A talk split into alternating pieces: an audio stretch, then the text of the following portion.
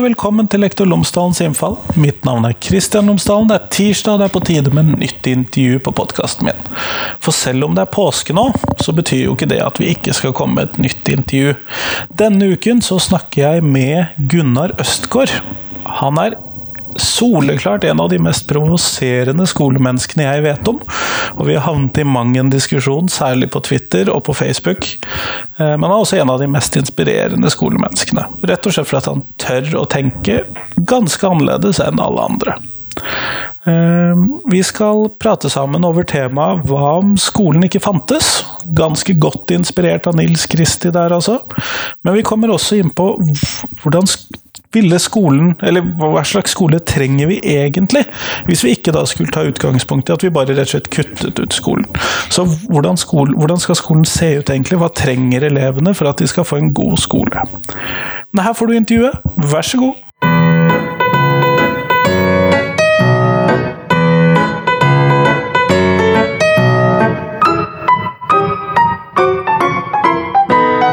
Gunnar Østgaard, tusen takk for at du har kommet for å prate med meg i dag.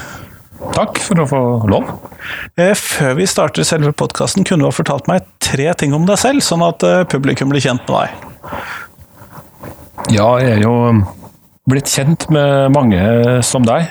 Veldig mye via, via eh, sosiale medier. Og um, der opplever jeg at, at en del kjenner meg fra. da. Jeg har jo 8000-9000 følgere der, og, og, eh, på Twitter, da. Så en del på Facebook. Så der er det nok en del som kjenner meg som en, eh, en eh, tidvis veltalende, men alltid høyttalende debattant. Og litt ubehagelig debattant til tider. da. Ellers så er jeg jo trønder, som du kan høre et snev av. Født og oppvokst i Trondheim. Bondetamp. Eh, og eh, men av alle ting er jeg jo siviløkonom fra Sandviken. Fra, heter ikke Sandviken? Jo, jo det heter Sandviken. Norges handelshøyskole i 84. Uh, eh, har jobba i USA i fire-fem år til å begynne med. Var med og starta en liten bedrift der. Uh, har uh, vandra, faktisk vært på Cape Canaveral, i, uh, Cape Kennedy, men den i Florida. Jobba med og utvikla elektronikk for raketter, av alle ting. Så har en ganske rar bakgrunn. Jobba med bioteknologi og eh, deteksjon av antrax etterpå. Ja, nettopp. Det er variert Så det er hyggelig, hyggelig, mange hyggelige tematikker vi kan ta opp her, da. Men det, det, det, er ikke antrax vi skal innom i dag. Eh, det, er, det, det kan være like dødelig? Ja, det kan det. Og det kan være veldig, veldig livsgivende, altså. Det visste jeg ikke, men det, ja, det kan det. Ja. det visste jeg. men det, te, selve temaet som vi skulle starte med i dag, er hva hvis vi ikke hadde noen skole? Hva hvis skolen ja. ikke fantes? Hva Der da? kommer du jo eh, inn på eh, min, en av mine premissgivere. Faktisk, Kristian, eh, du og jeg har jo vi er jo veldig enige. Vi sitter jo her nede på Human-Etisk Forbund i dag, og det er jo noe som forener oss, tror jeg. Eh, troa på at det finnes noe, men likevel at det ikke er så konkret som veldig mange andre tror. Da, rundt det å tro på noe. Eh, men, eh, men eh, hvis skolen ikke fantes, var jo tittelen på boka til Nils Kristi, som kom i 1971. Og som var veldig inspirert av Jonas, blant annet. Boka ja. til alle, lesere, alle, lærere har vært borti den. Sant? Bjørneboe, som sier at han først og fremst skal du elske barn. Snille barn, stygge barn, pene barn etc. Ehm, og igjen, Nils Kristi var også en eh, veldig svoren tilhenger av annerledes skoler, sånn som Steinerskolen, og det var jo litt der jeg traff ham på. Ehm, den boka kan si mangt, sies mangt om. Det er nesten litt ekkelt å lese en dag. Det er da Hvor mange år siden nå? 71? 46 år? 50 år, Ja, nesten 50 år. Ja, nesten 50 år. Og veldig mye av det står der, er, gjelder fortsatt. Og eh, det er litt synd, fordi det var mye kritikk i den boka. Og, og den kritikken ja, er det litt vanskelig for noen å svelge. Men i hovedsak så var kritikken hans uh, delt i fire ting. Uh, den, uh, kalte? Han kalte den skjulte læreplanen, blant annet. Det har jo også vært en diskusjon blant 86-erne. Thomas Sier blant annet har skrevet en del om det. Hva er den skjulte læreplanen i skolen? Og det oppdager han først når du tar bort skolen. Det samme som du og jeg, hvis vi tar bort, eh, vi tar bort lyset fra rommet her. Ja. Eller vi tar bort uh, temper temperaturen her. Så da, da først vi begynner å tenke hva var verdien av at det var temperert her? Eller at det var lys her? Så hans tanke var jo ok, vi tar bort skolen. Hva skjer? Jo, fire ting. Det ene var oppbevaring. For deg og meg, Kristian, som har barn i skole. da. Ja, da vet vi hvor de er. Ja, jeg har vi vet hvor de er. Men det var ikke det han sa som var hovedfunksjonen. Poenget var at du og jeg kan da konsentrere oss om å lage podkaster. Og dyrke våre, våre egne karrierer. Da. Eh, mens vi stuer unger borte. Og der er jo litt sånn folkehemstradisjon. En kritisk kritikk mot både det svenske, og danske og norske sosialdemokratiet. At vi har danna institusjoner putter ikke sant, alt ifra barn til de gamle. Eldre, og sikkert du og meg, du og jeg en, gang også, av en eller annen grunn. Ja. Eh, Så oppbevaring var én funksjon, sa han. Hovedfunksjonen. Den andre funksjonen var sortering. Og det er jo noe du jeg vet vi begge to er, får litt sånn kaldt over ryggen på. Disse Og- karakterene, denne Karakterene ikke sant? og Rangering. vurderingene. Eh, Du og jeg sitter der nå, hvis jeg, du var læreren min nå, så, sant? hvis jeg visste at du var læreren min, så får jeg en helt annen relasjon til det enn at vi nå fremstår som likeverdige, vil jeg tro. Og samtalen ville tatt, tatt en helt annen form også. Fordi at jeg visste at å, han sitter jo der egentlig. og vurderer deg. Ja, og Om han ikke gjør det bevisst, eller han gjør det nok ikke bevisst, men måten jeg nå oppfører meg på, og måten øh, hva jeg virker så jeg kan, det har betydning for, for min skjebne i livet, hvis Kristian eh, skal vurdere meg etterpå. Så det var sorteringa. Det, andre, det tredje punktet han fant ut, var jo at eh, det er en sosialisering i skolen. Og han mente at eh, sosialiseringa var jo på, på bakgrunn av A4-bildet som storsamfunnet satt nå. At vi skulle bli produktive borgere så fort som mulig. ho- Hoppe ut i Og gjøre vanlige i ting i vanlige. Og ikke rom for, eh, for det veldig mye sidesprang. Og til, til, til slutt, det fjerde punktet var jo selvsagt eh, faglig motivering. Og i hovedsak, i henhold til Kristi, fag som eleven har null nytte av. Eller, unnskyld, ser null nytte av. For det er jo klart. Det, der jo, det var en viktig presisering, fordi jeg, og vi vet jo at eh, det er mange ting vi lærer sånn som man sitter her i dag. Det er jo ikke nytteverdi direkte, men og i morgen kveld så ser vi sikkert nytten av det begge to. Eller kanskje senere. Så det er jo ikke alt du skal se nytten av med en gang, men det må være et snev av nytte, og han mente at det var altfor lite nytteverdi. Derfor sa jo Nils Kristi i den, i den boka der at eh, legg ned han. Ja, nettopp. Husker du det? Og så sa han eh, innfør barnearbeid som et alternativ. Og som en kompetansegivende, selvsagt, eh, arbeid. Så fortsettelse på lærlingetradisjonen, da. Ja, kanskje en forsterkning av det, ja. Ja. Som, du, som du sier. da. Så eh, det var, det var en sving innom den boka som har betydd veldig mye for meg. Og det merker folk når jeg begynner å debattere da, og referere til en omtrent annenhver dag. Altså. Ja, fordi at du, mener jo veldig mye om skole. Eh, og hvis vi da skulle Hvis ikke vi skal legge ned eh, ungdomsskolen, hvis vi skal ha en skole eh, Jeg sier ikke om det nødvendigvis skal være lik for alle, men hvis vi skal ha en skole som der har vi diskutert en gang før, ja. Ja, husker det. Ja, eh, så, men hvis vi da skal ha en skole som passelig skal danne et basis for de aller fleste, eller noe sånt. Hvordan skal den skolen være? Det er litt pussig, det er litt så morsomt, for det der husker jeg det eneste gangen du og jeg har vært, jeg har vært eller for min egen del, jeg ble skikkelig ufin.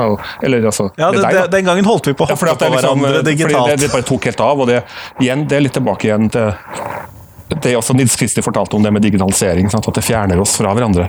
Så når vi nå sitter her nå, så kan vi sikkert si det samme. Tror jeg. Vi kan si det enda hardere enn vi sa det da. Men da kan vi lese Men du kan lese, du ser at jeg er relativt avslappa. Jeg ser at du, du går ikke i fistel sant, over at jeg sier noe ufint. Da. Men, eh, men eh, jeg tror eh, uenigheten vår da, når vi bare snakker, kan gripe tak i det som en inngang til det, da, var nok at jeg mener jo ikke at alle skal ha fritt frem på skolen. Eller de skal få velge om de vil se på en film av, av eh, det, Harry Potter, eller om de skal se Villanden av, av Ibsen på, fra Fjernsynsteatret. Eller lese en bok av Ibsen, for så vidt. Jeg mener at eh, det skal være Det er diskriminering, Kristian, å behandle folk Det er diskriminering å behandle ulike folk likt. Litt av det bildet hvor man ser eksamen eh, Hvor man ser forskjellige dyr som skal klatre opp i sant? Jeg har jo vært så heldig. Eh, Altså, og det er tilbake til Dalai Lama. Han sa en gang at uh, handlekraft uten takknemlighet er destruksjon. Sånn. Og det Vi bor i verdens rikeste land. Vi har uh, familie rundt oss. Vi, har, vi, har, uh, vi fryser ikke. Vi stort sett har det greit. Vi burde vært jeg, jeg burde iallfall vært enda mer takknemlig enn det jeg er i det daglige. Jeg greier når jeg tar meg og setter meg rolig i stolen, så kan jeg si, føle takknemlighet. Men det er noe en må jobbe med. Og hente frem oftere. Så i takknemlighetens eh, altså For å være takknemlig, så må man også si at jo, vi har en god fellesskole i Norge. Faktisk så tror jeg vi har en av verdens beste skoler. Men det går like mye på samfunnet vi har bygd rundt skolen. At eh, foreldrene har det bra, familiene har det greit. Det er få som slipper å tigge og ydmyke seg for å få, ting til å gå rundt. Folk har et sted å bo, de har greie Stort sett finner de fleste seg en venn eller noen Så det er gode rammer. rammene rundt. Og da kommer du tilbake til Andy Harleys, Michael Fulens, Ken Robinson, og for så vidt Nils Christie. Andre òg. De sier at det- det skandinaviske samfunnet har, er, har gode skoler fordi at rammene rundt er bra. Så nå det å tilby samme ja, Det er helt vilt. Jeg hørte i dag Eirik Irgens fortalte meg Jeg var på Stortinget med Irgens, som jo er professor eh, på NTNU og hadde en kjempefin samtale der. og Som han sa, at nå jobbes det visst Han trodde at det jobbes, jobbes i Utdanningsdirektoratet med å lage enda mer kompetansemål. Og at de kompetansemålene nesten skal ukesmerkes. Altså, tenk deg, Kristian, du kommer på skolen. Det høres ut som det virkelig onde Ja, altså, stebarnet til uh, Når jeg sier 'Å nei, Kristian', når jeg krangler med deg, så tenker jeg at det, det, det, det er jo det jeg ser for meg. Kjem! At, at det blir bare check, check, check, check. Og så ser du ikke eleven og den bagasjen, eller manglende bagasje, eller pluss og minus det mennesket har. Da. Men alle skal lære om alt fra Henrik Ibsen til 30-årskrigen samtidig. Det er et horrorbilde i, mine, i min kropp. Da. Sånn at eh, det kompetansemålsystemet vi har i dag, eller da denne enda verre utgaven som du frykter, det, det er ikke veien å gå. Jeg, spurte, jeg har spurt professorene der. Jeg har hatt veldig stor glede av å ha hatt mye kontakt med Bård Kuvås på BI, med Jan Ubo i Bergen, mitt, mitt eget alma mater. eh, Irgens i Trondheim, ja. Uh, Tom, Are Trippestad i Bergen. Høgskolen Vestlandet, HVL. Ja. Eh, og jeg spurte dem du, dere, finnes det noe land i verden som har den type detaljert læringsmål. Og det er nesten sånn at eh, folk blir litt sånn eh, Tenker seg om Nei, eller Ja, men det er nesten sånn at du må inn, du må inn på diktaturstater. Altså, og, og det sier jo litt om Det er jo litt sånn store bokstaver å si det, da, men hvis det stemmer, da, at det nesten ikke fins vestlige eller demokratiske land som har den type toppstyring, så, så er det, er det grunn til at vi tenker oss om. For hvor interessant er det å være lærer i et sånt system? Eller hvor interessant er det å være elev? Å sitte og få fora Det blir en en sånn, ja, det blir en foringsautomat. Og det er en veldig uheldig trend som, eh, som, vi, som vi må stoppe. Ellers så blir det enda mer utstøting og mindre inkludering i den skolen som skal favne vidt. Ja, den skal jo favne vidt. Eh, Og elevene kommer jo inn med veldig masse forskjellige utgangspunkt og interesser og aktivitetsønsker osv. Hvordan tenker du at vi skal tilpasse skolen, norsk skole, til dette? Bare se på oss to, da. Sånn? Hvordan skal skolen møte to ganske rare personer som oss to? Og så har du altså, Og vi er jo sannsynligvis ganske ja, Jeg skal ikke si at det er like, men vi er rare begge to. Så har du mer standarden, da, kanskje 60% som er mer, har mer normerte behov. Problemet er å møte sant, topp 30 og topp min bunn 30 i, i samme systemet. i samme systemet. da. Og når sier jeg bot, topp og bunn, så jeg sliter jeg litt, for jeg hater jo begrepet svake, sterke elever. Jeg hater begrepet, eller jeg mener begrepet far, det bærer oss på ville veier å bruke høytpresterende, lavtpresterende. Fordi hva gjør om noen er svake eller sterke? Jo, det kan være like mye leveringsmåten eller relasjonen sant, som kan gjøre at noen funker. Det ser vi jo på selv.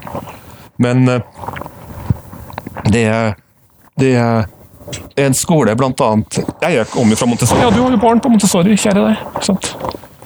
Eh, Montessori gjør noe rett, og det gjør sikkert mye galt. Og Steiner er jo, har jo jeg gått på. Men begge de to skolene har jeg inntrykk av er ganske bra til veldig flinke til å se enkeltmennesket.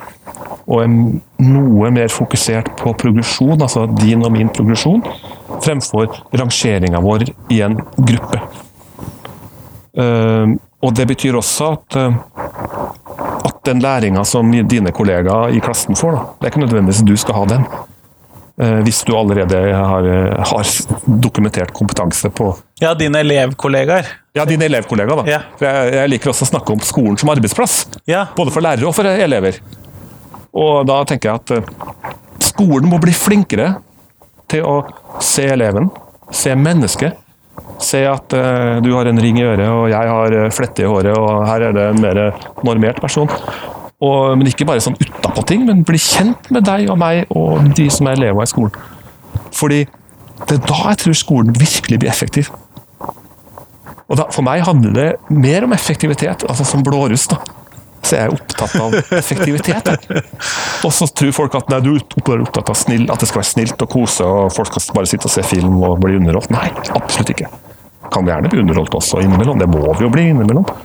Men, og vi skal ha litt kos også. Men eh, det er ikke derfor jeg vil ha den endringa. Jeg vil ha det for at det skal kjennes ut som en skole som er relevant, og hvor det er framdrift, og hvor du, hvor du merker at eh, du, blir, eh, du blir sett som elev. Altså, Bård Kuvås og Linda Lai, professorer begge to på BI, Blårussskolen, ikke sant? en av de råeste eh, rektorutdannerne i, i, i Norge. Begynner å bli det i Europa. Eksportert til Danmark bl.a. nå. ja, det så jeg. Jeg har jo, det er mangt å si om BI. Men Linda Lai og Bård Kuvås er to meget kloke mennesker. Linda Lai sa en gang at Jeg spurte Linda at og Anita Krohn Traase tror jeg det var samtidig sammen på, på Twitter. Hvorfor er det, eller Har dere noen linker seg til dem, og noen referanser til sammenhengen mellom opplæring i en bedrift og topp- og bunnlinje? Sånn bare for å gjøre det enkelt, da. Du skjønner hva jeg vil frem til? Jo, jo. Okay, her er Det en den bedrift. interne opplæringen. Google bruker masse hører vi på opplæring. Ok, er det derfor de tjener penger? Så har du andre som uh, ikke du kan, du, Her kan du ta ut av nesten årsrapporter, men du kan i hvert fall finne det ved å gjøre noen kvalitative vurderinger. Så sa Linda at nei. Så hva? Er det ikke det? Det burde jo vært sånn. Hvis jeg, drev, hvis jeg investerte masse i mine ansatte med kursing og opplæring. En eller en eller annen masterstudent burde jo ha tittet på dette til nå.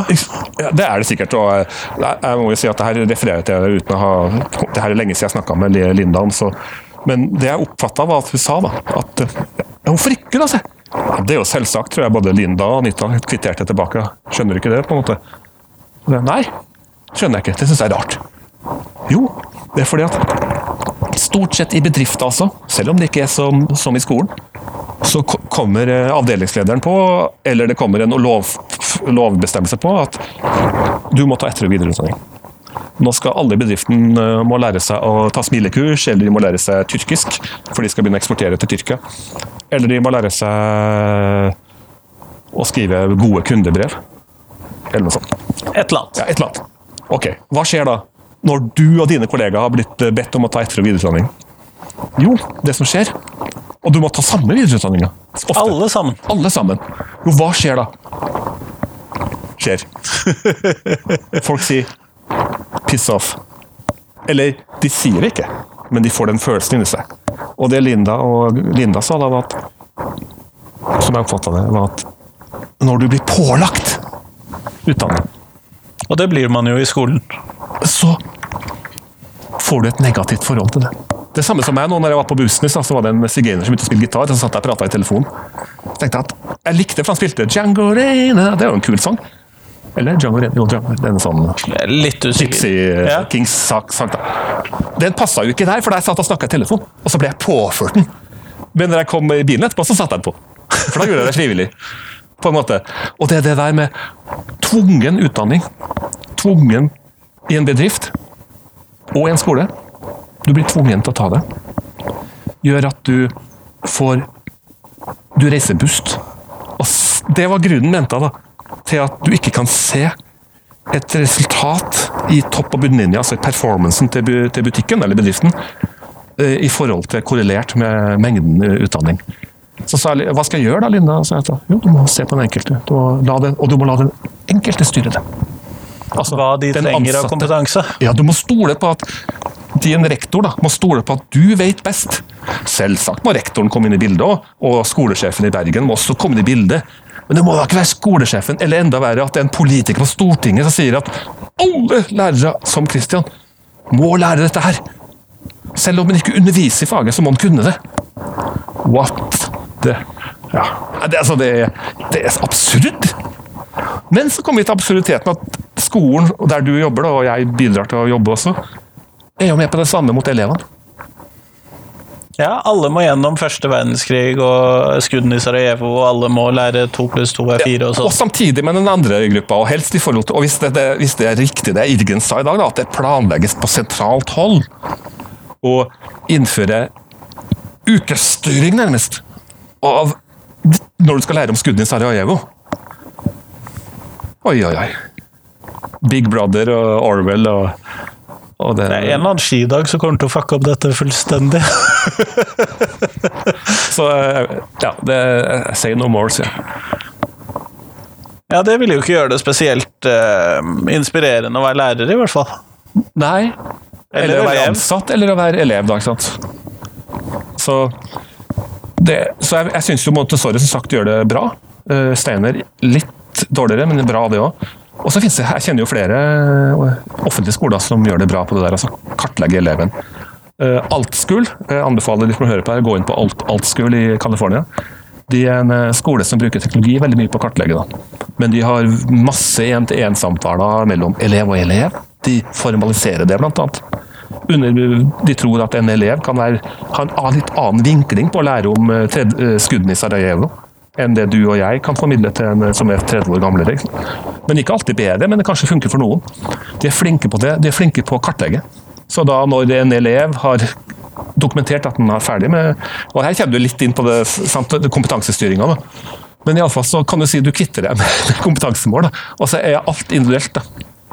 Men samtidig så danner de også grupper, smågrupper av elever som la oss si stammer, eller som har behov for å lære seg sterke verb på fransk, eller, eller er svak historie på et eller annet Men dette er ikke permanente grupper, og dette er ikke dette er, og hel åpen skole, og det er litt sånn som eh, igjen da Montessori, udelt og udelt, eller hva heter det, udelt skole. Og aldersblandet. Aldersplanet. Så der kan det sitte en sjuåring som er ekspert på, på eh, ortopedi, eller på kroppen, og som bare har digga det i hele sitt syvårige liv, og undervise en 14-åring.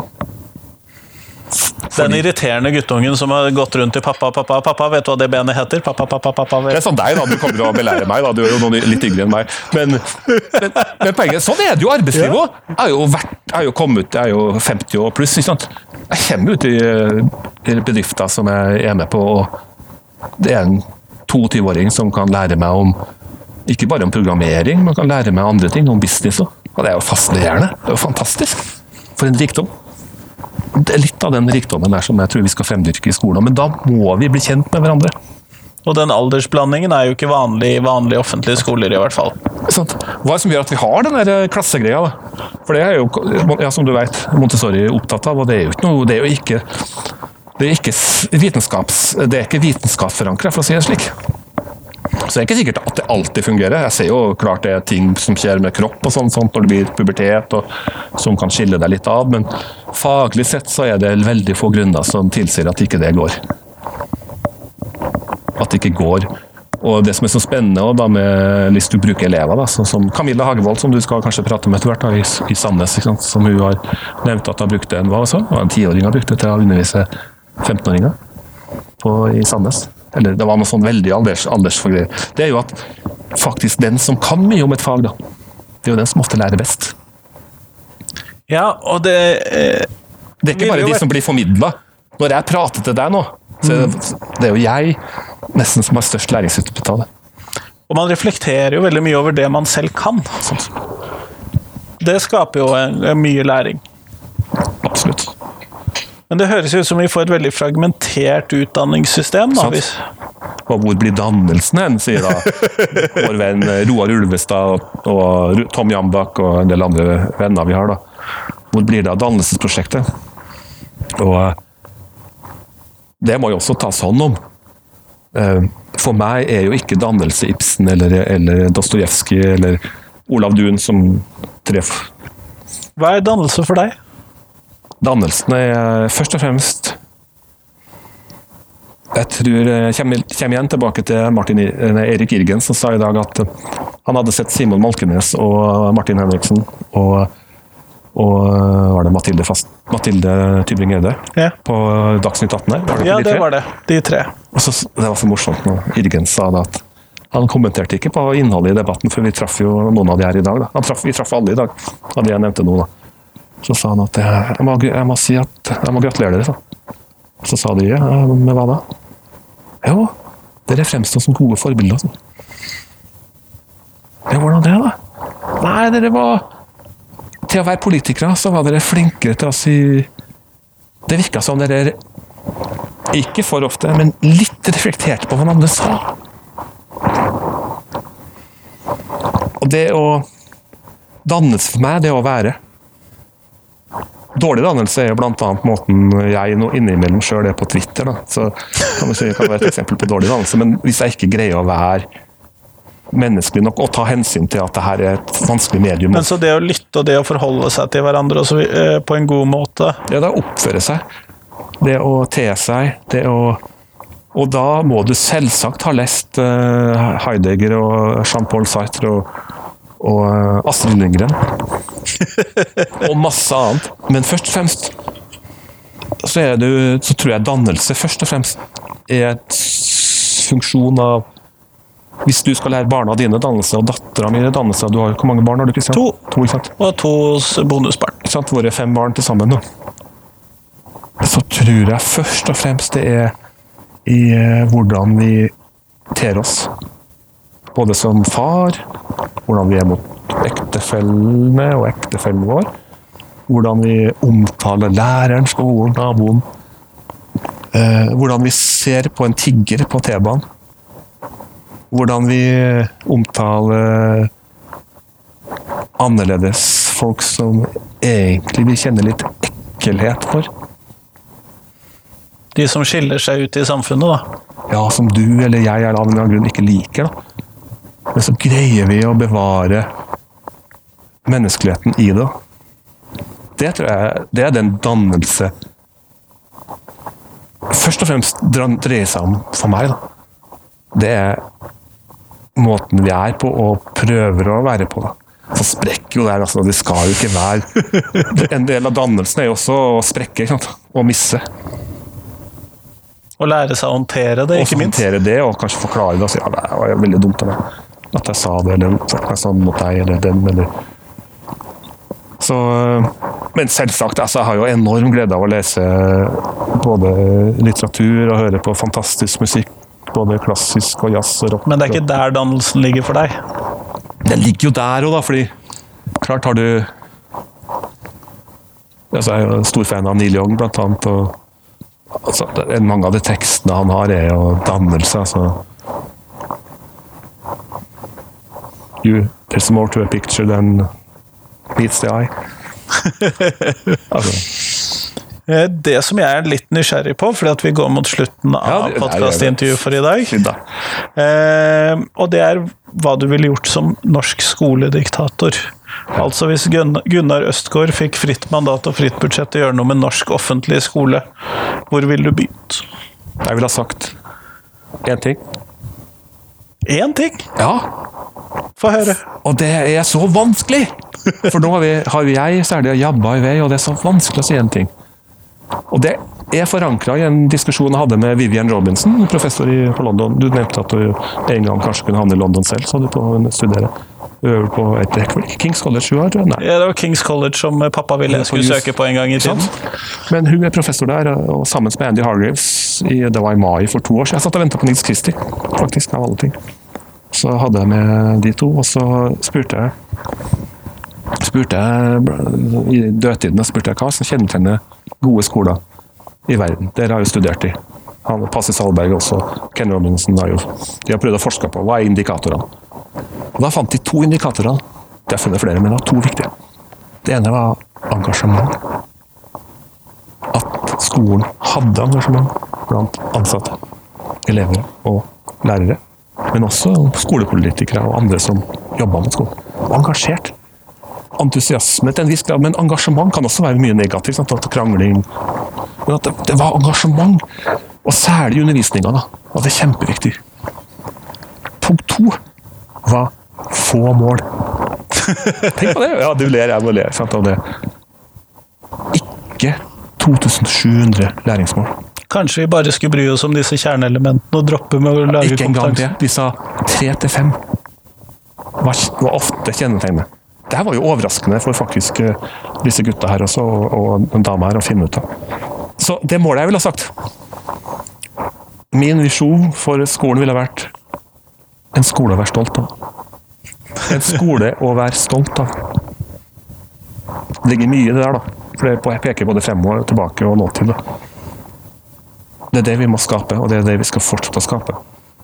Og det, det krever mye. Men eh, det er tegn som tyder på at eh, Og det er igjen tilbake til det jeg forsker Krever kanskje en vilje til forandring òg? Det er tegn som tyder på at vi faktisk har en god skole. Eh, Mye pga. samfunnet rundt. altså at Det er som sagt, det er ikke mye støy hjemmefra eller rundt økonomi, logistikk. det fungerer. Alt det der, ja. Sant? Men eh, det vi burde ha gjort, vi burde ha kvitta oss med alle kompetansemåla. Vi burde ha stolt på at lærerne som profesjon gjør en god jobb. Så må vi alltid ha avvikskontroll. Men sånn som det har blitt i dag, etter PISA-sjokket i 2001, så er det jo default standard er mistillit. Og så må vi sjekke at Kristian og andre 50 000 lærerne har gjort jobben sin. Jeg vil ha snudd det helt opp ned. Altså at standarden er at folk Vi kan stole på folk. Folk ønsker å gjøre en god jobb! Og skal vi sitte og styre flyvelederne Du skal ut og fly nå senere i dag. Skal du sitte og flyvelederne på, på Skal en politiker bestemme innflygingshastighet og høyde på Flesland eller Trondheim? Eller, La oss håpe ikke det. Nei, ikke? Så må, det, her er, det her er absurd når du begynner å tenke på denne tanken. Og igjen tilbake til jeg nevnte det med diktaturstater. Sånt. Det er nesten ingen andre demokratiske land som har den type delstatsstilling. Så vi må skape vi må skape en skole, og vi må fortsette å ha en skole som vi er stolte av. Og så må vi snakke bra om skolen, og, og få oss selv til å tenke bra om skolen. Og Alt dette er et stort prosjekt, men summen er en skole å være stolt av. Tusen takk for at jeg fikk lov til å prate med deg i dag. Takk i like måte.